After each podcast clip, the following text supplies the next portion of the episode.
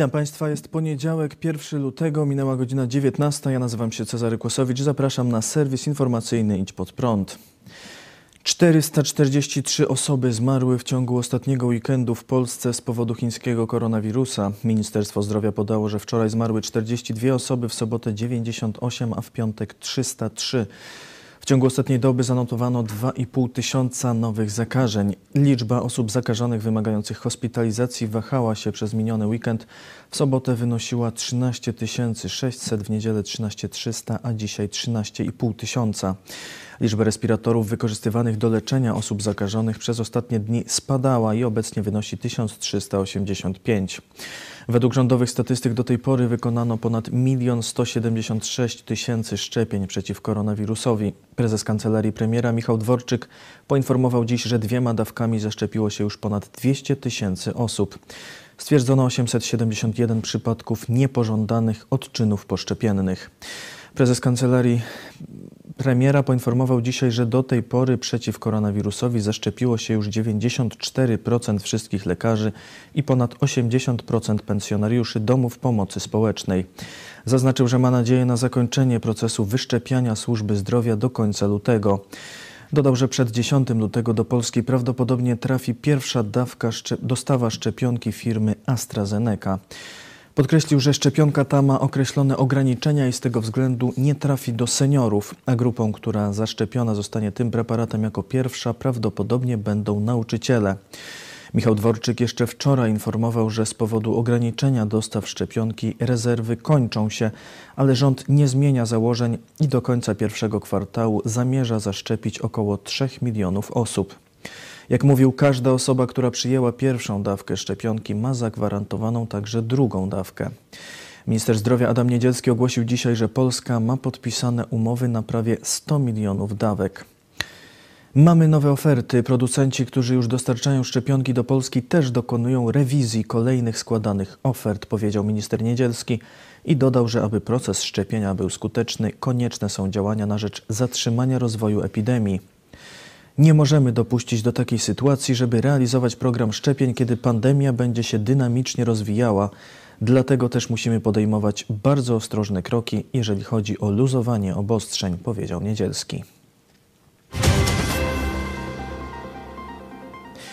Szczegóły nowego ładu poznamy najwcześniej pod koniec lutego. Premier Mateusz Morawiecki powiedział dziś, że szczegóły nowego programu gospodarczego zwanego Nowym Polskim Ładem przekaże za kilka tygodni. Jak mówił szef rządu, podjęliśmy już kilka miesięcy temu ogromny wysiłek analityczny, żeby przebadać, w którym kierunku Polska powinna się rozwijać i gdzie ten rozwój może być w odpowiedni sposób wsparty poszczególnymi instrumentami budżetowymi, fiskalnymi, inwestycyjnymi, monetarnymi czy wreszcie szeroko rozumianej polityki regulacyjnej i gospodarczej. Wśród obszarów, które obejmie Nowy Ład, premier wymienił służbę zdrowia, edukację, infrastrukturę, dostęp do usług publicznych i cyfryzację. Zapytany o koszt całego programu powiedział, nie chcę dzisiaj mówić o szacunkowej łącznej wartości, ponieważ to będzie część naszej prezentacji za kilka tygodni. Natomiast generalnie chcemy maksymalnie uwolnić zasoby krajowe, poinformował szef rządu. Rzecznik rządu Piotr Miller w Polskim Radiu zapowiedział, że szczegóły planu poznamy na przełomie lutego i marca. Ten program jest w tej chwili już szlifowany. To będzie bardzo duży program gospodarczy, inwestycyjny, który ma przynieść efekty przez najbliższe kilka lat właśnie w nowej rzeczywistości po pandemii. Jeżeli chodzi o terminarz, w tej chwili nie chciałbym deklarować takiej konkretnej daty, ale myślę, że to przełom lutego i marca to jest ten termin, który jest możliwy, powiedział Dworczyk. Rząd jest bardzo tajemniczy w sprawie swojego planu gospodarczego, jednak pewne jego elementy przedostały się do mediów. Puls biznesu dotarł do zarysu nowego polskiego ładu.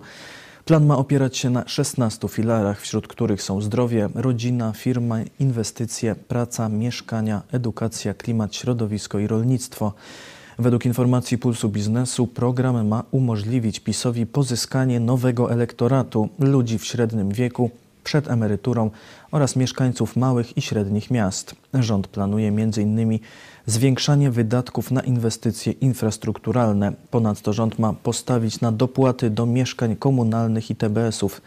W dziedzinie biznesu w planach jest rozszerzenie tzw. Tak estońskiego CIT-u na wszystkie firmy, ułatwienia w sukcesji rodzinnej, podwyższenie limitu dla chcących skorzystać z ryczałtu od przychodów ewidencjonowanych. Polska ma wydawać na opiekę zdrowotną 7% PKB w perspektywie 6 lat. Powstać ma fundusz medyczny i fundusz modernizacji szpitali. Nowy ład ma też obejmować promowanie w kampaniach społecznych wielodzietnej, tradycyjnej rodziny oraz bezpłatne badania prenatalne dla kobiet w ciąży. Piątek prezydent Andrzej Duda podpisał ustawę o współpracy prawnej w sprawach karnych między Polską i Tajwanem. Porozumienie reguluje zasady i tryb współpracy w sprawach karnych w ramach wzajemnej pomocy prawnej, ekstradycji, przekazywania osób skazanych, udzielania informacji o prawie i praktyce jego stosowania oraz udzielania informacji dotyczących ścigania i zapobiegania przestępstwom. Jak napisano w komunikacie kancelarii, Forma uregulowania zasad współpracy w sprawach karnych pomiędzy Polską a Tajwanem jest niestandardowa ze względu na szczególny status Tajwanu w stosunkach międzynarodowych. Nie przybrała ona formy umowy zawieranej między państwami. Ponad 5 tysięcy osób zatrzymano w Rosji podczas protestów w obronie aresztowanego przywódcy opozycji Aleksieja Nawalnego.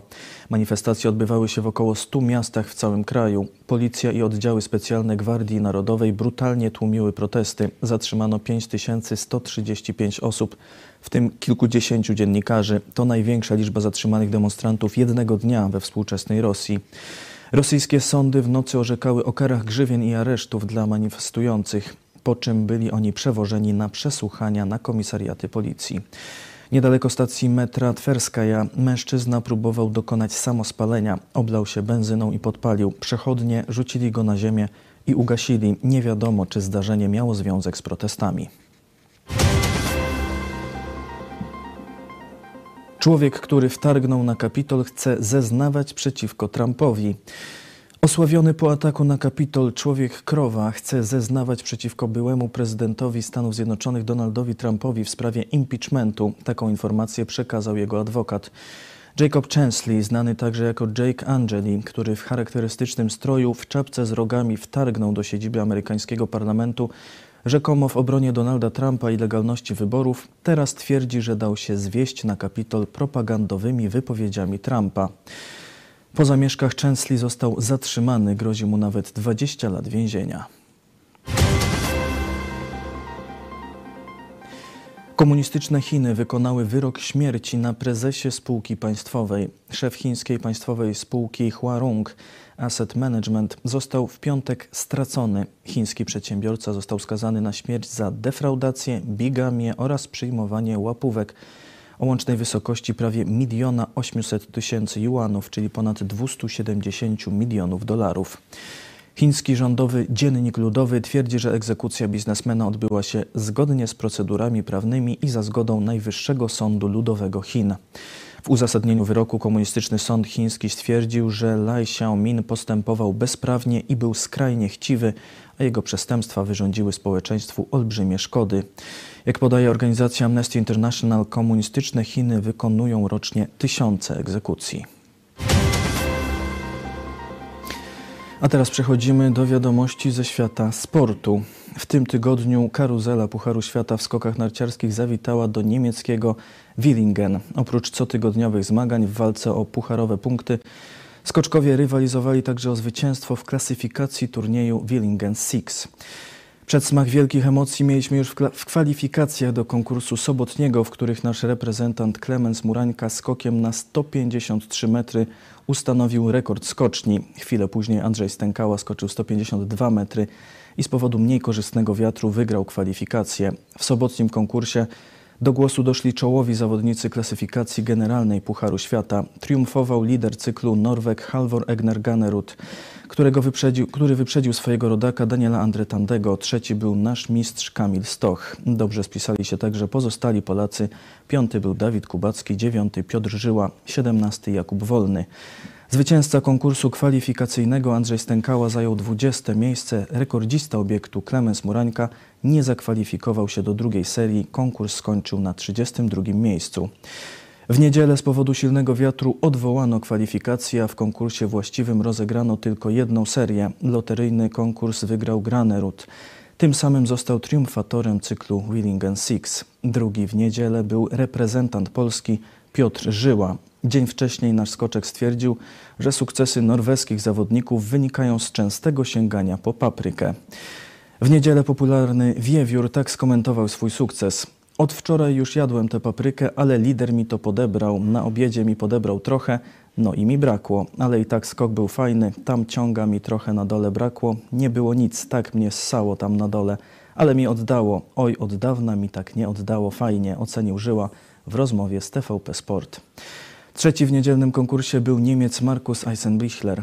Czwartą pozycję, najwyższą w karierze, zajął Klemens Murańka. Dawid Kubacki był dziesiąty, Jakub Wolny osiemnasty, Andrzej Stękała dwudziesty pierwszy. Poniżej spodziewań kibiców spisał się Kamil Stoch, który był dopiero 27. Liderem Pucharu Świata po zmaganiach w Willingen jest Granerud, przed Niemcem Eisenbichlerem, trzeci jest Kamil Stoch, czwarty Piotr Żyła. Kolejne zawody Pucharu Świata są zaplanowane na 6 i 7 lutego w niemieckim Klingenthal. Mamy drugie złoto w biatlonie. Polscy kibice biatlonu kobiet mają dużo powodów do radości podczas odbywających się w Dusznikach Zdroju Mistrzostw Europy. W środę złoto w biegu indywidualnym wywalczyła Monika Hojnisz-Staręga, a w sobotę najlepsza w biegu pościgowym okazała się Kamila Żuk. Polka przystępowała do biegu pościgowego dopiero z 18 pozycji. Takie bowiem miejsce zajęła w, śmir- w sprincie. Kamila Żuk zawdzięcza zwycięstwo przede wszystkim bezbłędnemu strzelaniu pomimo bardzo zmiennych warunków panujących na strzelnicy. Mistrzostwo Europy to bez wątpienia największy seniorski sukces młodej polskiej biatlonistki. A już 10 lutego w Słowenii rozpoczynają się Mistrzostwa Świata. Dania mistrzem świata w piłce ręcznej. Sukcesem drużyn ze Skandynawii zakończyły się Mistrzostwa Świata w piłce ręcznej rozegrane w Egipcie. W finale Duńczycy okazali się lepsi od drużyny szwedzkiej i wynikiem 26 do 24 obronili tytuł wywalczony przed dwoma laty. O ile wygrana Duńczyków nie była niespodzianką, to obecność reprezentantów Szwecji w decydującej fazie turnieju jest zaskoczeniem. W półfinale Szwedzi sensacyjnie ograli sześciokrotnych mistrzów świata Francuzów 33 do 26.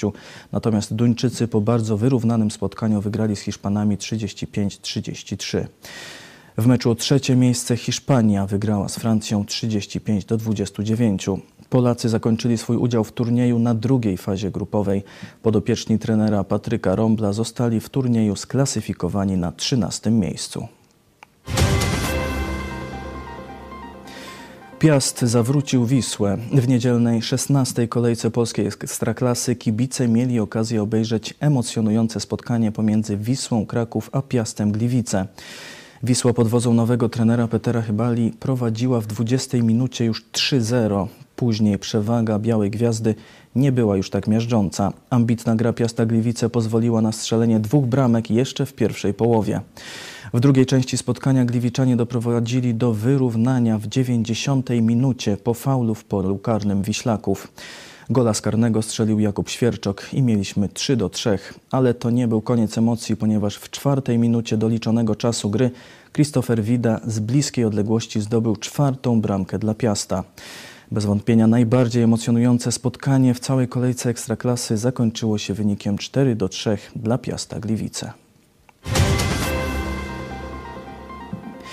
Niepokojące wieści płyną do nas z Wysp Brytyjskich. Krystian Bielik, występujący na co dzień na zapleczu angielskiej ekstraklasy w drużynie Derby Country, zbierającej rewelacyjne recenzje po powrocie z kilkumiesięcznej absencji spowodowanej kontuzją więzadeł kolana, znowu nabawił się urazu. Polak zdążył rozegrać tylko 36 minut w spotkaniu przeciwko Bristol City, po czym padł na murawę z krzykiem, trzymając się za kolano. Jest to o tyle istotna informacja, że Polak będący w rewelacyjnej formie przez kilka ostatnich tygodni był bardzo poważnie rozpatrywany jako kandydat do pierwszej jedenastki na Mistrzostwa Europy.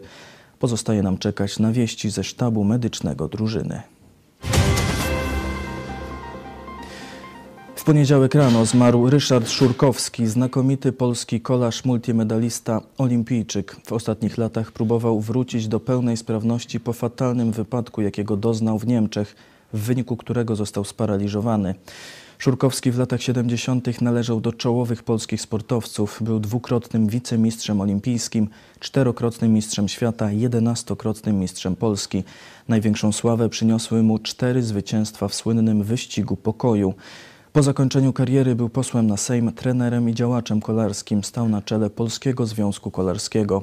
W plebiscycie na najlepszego sportowca Polski XX wieku Ryszard Szurkowski zajął drugie miejsce za Ireną Szewińską. Siedem razy oznaczano go złotym medalem za wybitne osiągnięcia sportowe. Odznaczony był także Krzyżem Kawalerskim Orderu Odrodzenia Polski, Krzyżem Oficerskim, Krzyżem Komandorskim i Krzyżem Komandorskim z Gwiazdą.